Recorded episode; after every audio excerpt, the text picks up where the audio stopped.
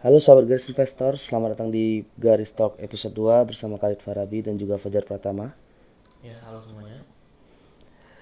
Oke, baik terima kasih sahabat garis investor yang telah mendengarkan Garis Talk episode 1 dan di episode 2 kali ini kita akan membahas materi ya atau topik yang tidak kalah menarik dari episode 1 yaitu metode investasi.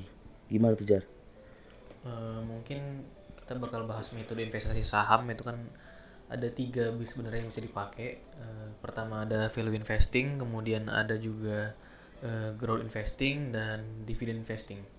Ya, karena banyak sekali mungkin orang yang pengen uh, cuan ya, pengen menghasilkan yeah, uang yeah. dari pasar saham ini, tapi mereka tidak tahu bagaimana caranya. Nah, mungkin kita bisa membahas tiga metode ini karena tiga metode ini uh, salah hmm, adalah jalan untuk kita bisa menghasilkan uang di pasar saham. Oke, mungkin yang pertama kita masuk ke value investing ya.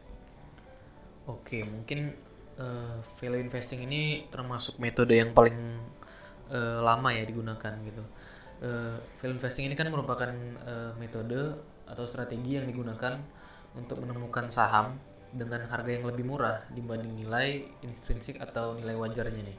Nah, jadi fokusnya value investing ini pada valuasi perusahaannya gitu. Dari dari saham. Jadi kita bisa lihat dari ke lebih ke rasio fundamental. Yaitu kita harus baca laporan keuangannya. Kemudian juga ada kita lihat e, nilai intrinsiknya berapa. Rasio yang dipakai mungkin bisa kayak ada PER e, price earning ratio. Ada juga PBV e, price to book value Kemudian kita juga bisa pakai uh, margin of safety untuk mengukur seberapa aman saham itu. Jadi dari margin of safety itu juga didapat dari nilai intrinsiknya gitu. Kemudian bisa juga kita pakai analisis ya, ada analisis top down sama bottom up. Kemudian kita bisa lihat EBITDA-nya berapa. Oke, menarik sekali value investing. Jadi secara singkat, investasi saham yang fokus pada value atau mencari saham yang nilainya di bawah dari nilai pasar atau nilai wajar ya? Iya. Sehingga cukup murah oke. Okay. uh, eh, kalau metode kedua nih jar growth investing. Uh, kalau growth investing itu kan dia fokus dia growth namanya growth kita fokus pada pertumbuhan. Pertumbuhan perusahaan. Nah jadi investor itu dia membeli perusahaan yang uh, track recordnya ya dia memiliki perkembangan pesat dalam beberapa tahun terakhir gitu.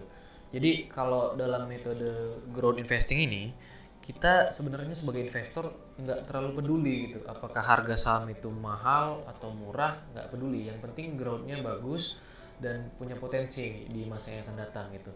Jadi kalau di growth investing bedanya mungkin ada PER juga tapi PER-nya PER to growth.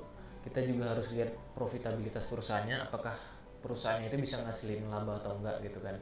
Kemudian kita lihat hutangnya juga lewat uh, debt equity ratio kemudian kita lihat juga masalah uh, eh, ROI-nya return on equity uh, likuiditasnya juga kita harus lihat gitu. Yang penting uh, kalau di growth investing itu ya ke pertumbuhannya sih.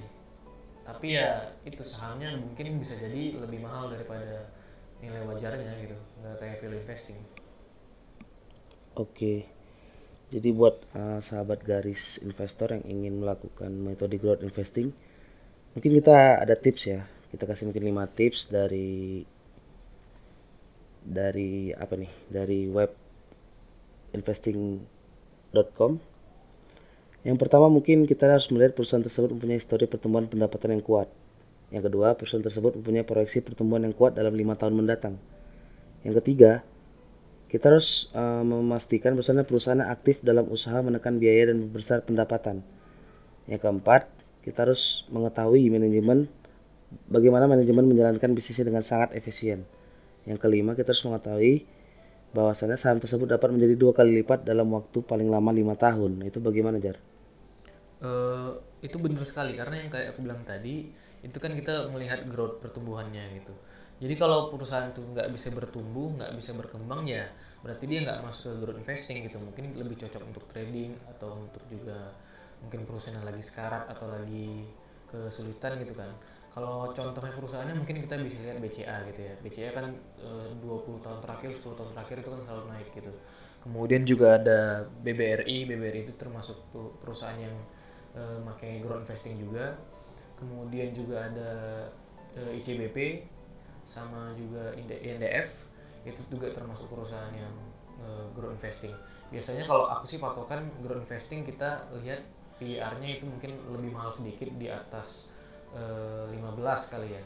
Kalau value investing mungkin kita bisa lihat di bawah 15 gitu kalau PER-nya di bawah 15 dia masih masuk kategori ke value investing.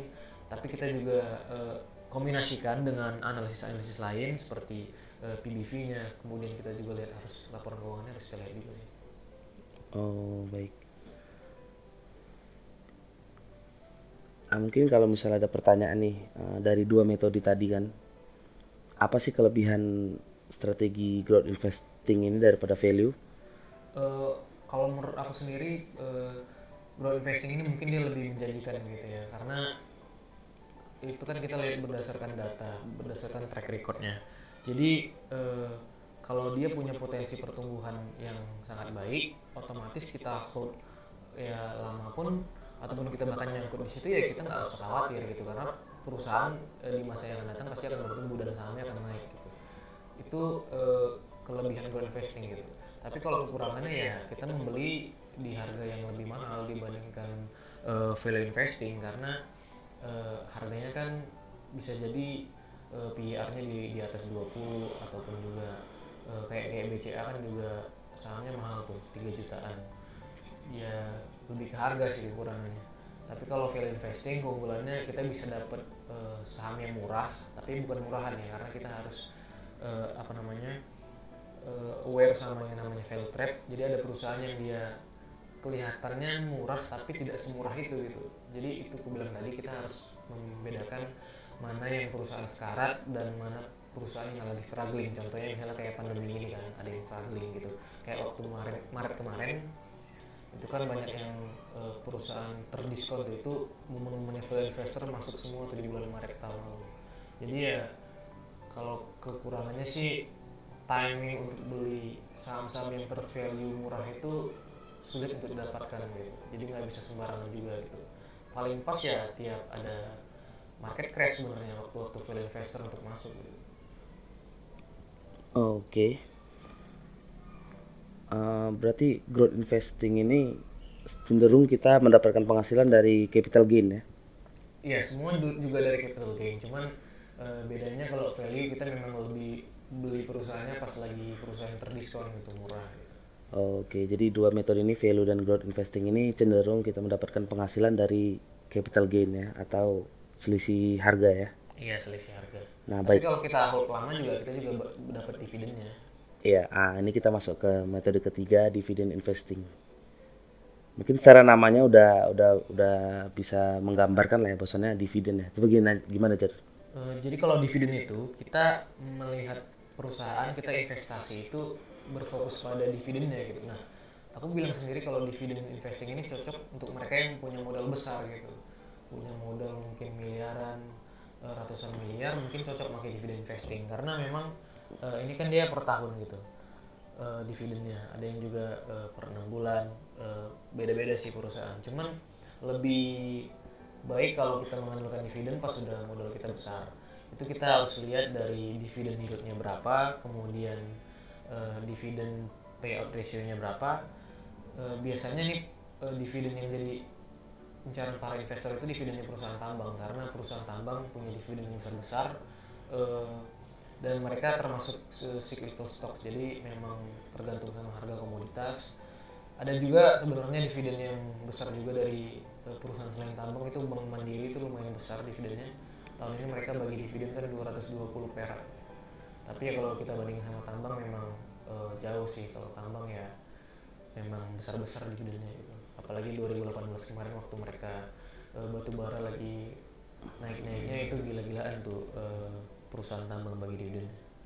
Uh, Oke, okay, tapi Jar menurutmu besarnya dividen suatu perusahaan itu ada nggak faktornya itu? Atau dia terpengaruh atau tergantung dengan apa? Gitu? Dividen itu kan kita dibagikan uh, uh, dari laba bersihnya itu kan. Perusahaan kan membuka laba bersih. Kalau dia nggak mencetak laba bersih mana bisa bagi dividen gitu kan. Jadi semakin besar laba bersihnya, seharusnya uh, semakin besar juga dividennya. Tapi memang ada perusahaan yang beda-beda kebijakannya gitu. Mungkin dia mau pakai laba bersihnya untuk ekspansi, untuk bayar utang atau untuk uh, buat bisnis baru kita nggak tahu juga kan. Tapi biasanya eh, dividen itu dia dilihat dari laba bersihnya juga sih Oh, kalau perusahaan tambang kan laba bersihnya itu pas misalnya harga komoditas lagi naik itu kan bener-bener gila-gilaan. Makanya pas Iya, besar sekali 2018 tuh besar-besaran ada yang sampai 3000, 2000, 1000 gitu dividennya.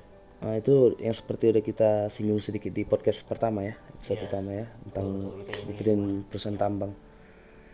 Oke, baik baik eh, sahabat gas investor. Jadi itulah metode-metode yang bisa kita gunakan ya untuk investasi saham untuk mendapatkan uang lebih tepatnya dari pasar saham. Nah, eh, ini kan jar tiap-tiap sahabat garis investornya kan beda-beda nih modalnya. Iya, betul. Jadi mungkin coba bisa dijelasin sih kalau dia modalnya sedikit, menengah dan banyak itu bagusnya pakai metode yang mana gitu. Bisa dibilang kan kita Indonesia mayoritasnya investor milenial gitu. Ya benar. Eh, dan walaupun yang Gen Z juga lumayan eh, banyak juga dan mungkin budget mereka kan nggak sampai miliaran gitu kan ya kalau memang tujuan kita investasi ya bukan trading nanti kita bakal bahas trading ke depannya Eh, jadi eh, mungkin kalau misalnya supaya amannya lebih bagus ke value dan growth tapi kalau value kita harus yang aku bilang tadi kita harus perhatiin value trapnya itu. Kalau masalah ininya sih kalau dividen aku rasa nggak terlalu bisa maksimal kita ambil gitu. Karena juga modal kita bisa mungkin masih puluhan juta ratusan juta Eh, jadi lebih baik ke value dan growth gitu sih. Kalau untuk eh, para investor muda ya investor-investor baru yang modalnya sedikit budgetnya sedikit dan memang kita dulu investasi kan untuk eh, menghindari inflasi gitu kan supaya uang kita tiap tahun nggak berkurang gitu. itu sih menurut aku ya rekomendasi dari garis sih sebenarnya masuk ke value sama growth aja gitu. Oh, artinya kalau metode yang terakhir dividen itu ketika modal kita sudah besar gitu atau bagaimana? sebenarnya nggak ada masalah cuman ya return yang kita dapatkan nanti ya mungkin nggak sebesar eh, investor-investor lain udah punya modal besar gitu kan karena kan ya itu kan dilihat di- dibagikannya per lembar saham gitu jadi se- seberapa lembar saham sebanyak apa lembar saham yang kita miliki ya semakin besar juga dividennya gitu sebenarnya Oke, baik itulah sahabat garis investor ya. Jadi bagi pemula nih yang mau mulai yang modalnya mungkin masih terbatas bisa menggunakan metode growth dan value investing ya. iya betul Oke. Ada lagi mungkin jar yang ingin disampaikan atau gimana? Mungkin itu sih kita harus tahu dulu ya apa rasionya kan. Rasio rasio yang dipakai dalam value eh, PER bicaranya dari mana PBV juga ada MOS juga eh, debt equity ratio kemudian eh, PER to growth ROI-nya itu rasio-rasio penting yang harus kita pelajari. Dan eh, mungkin eh, kita harus pelajari juga laporan keuangan ya cara membaca laporan keuangan gimana eh, analisisnya juga kayak mana yang eh, EBITDA-nya juga analisis yang lain juga kita harus pelajari gitu. ilmunya dulu kita pelajarin walaupun bisa sambil sambil investasi juga bisa gitu perlahan Oke, baiklah sahabat garis investor. Jadi itu uh, sedikit dari Fajar Pratama tadi ya. Bahwasannya memang ilmu itu penting ya dalam berinvestasi di pasar saham. Karena seperti moto garis investor juga ya, learn more, invest better ya. Baik sahabat garis investor yang ingin lebih yang ingin tahu lebih lanjut info-info tentang ilmu-ilmu saham mungkin atau investasi. yang lain investasi bisa di follow akun sosial media kita di garis investor di Instagram. Di situ kita akan memberikan edukasi-edukasi dan info-info mengenai investasi dunia investasi ya. Terima kasih telah mendengarkan garis talk episode 2 saya Khalid Farabi sebagai host pamit undur diri. Sampai jumpa di podcast selanjutnya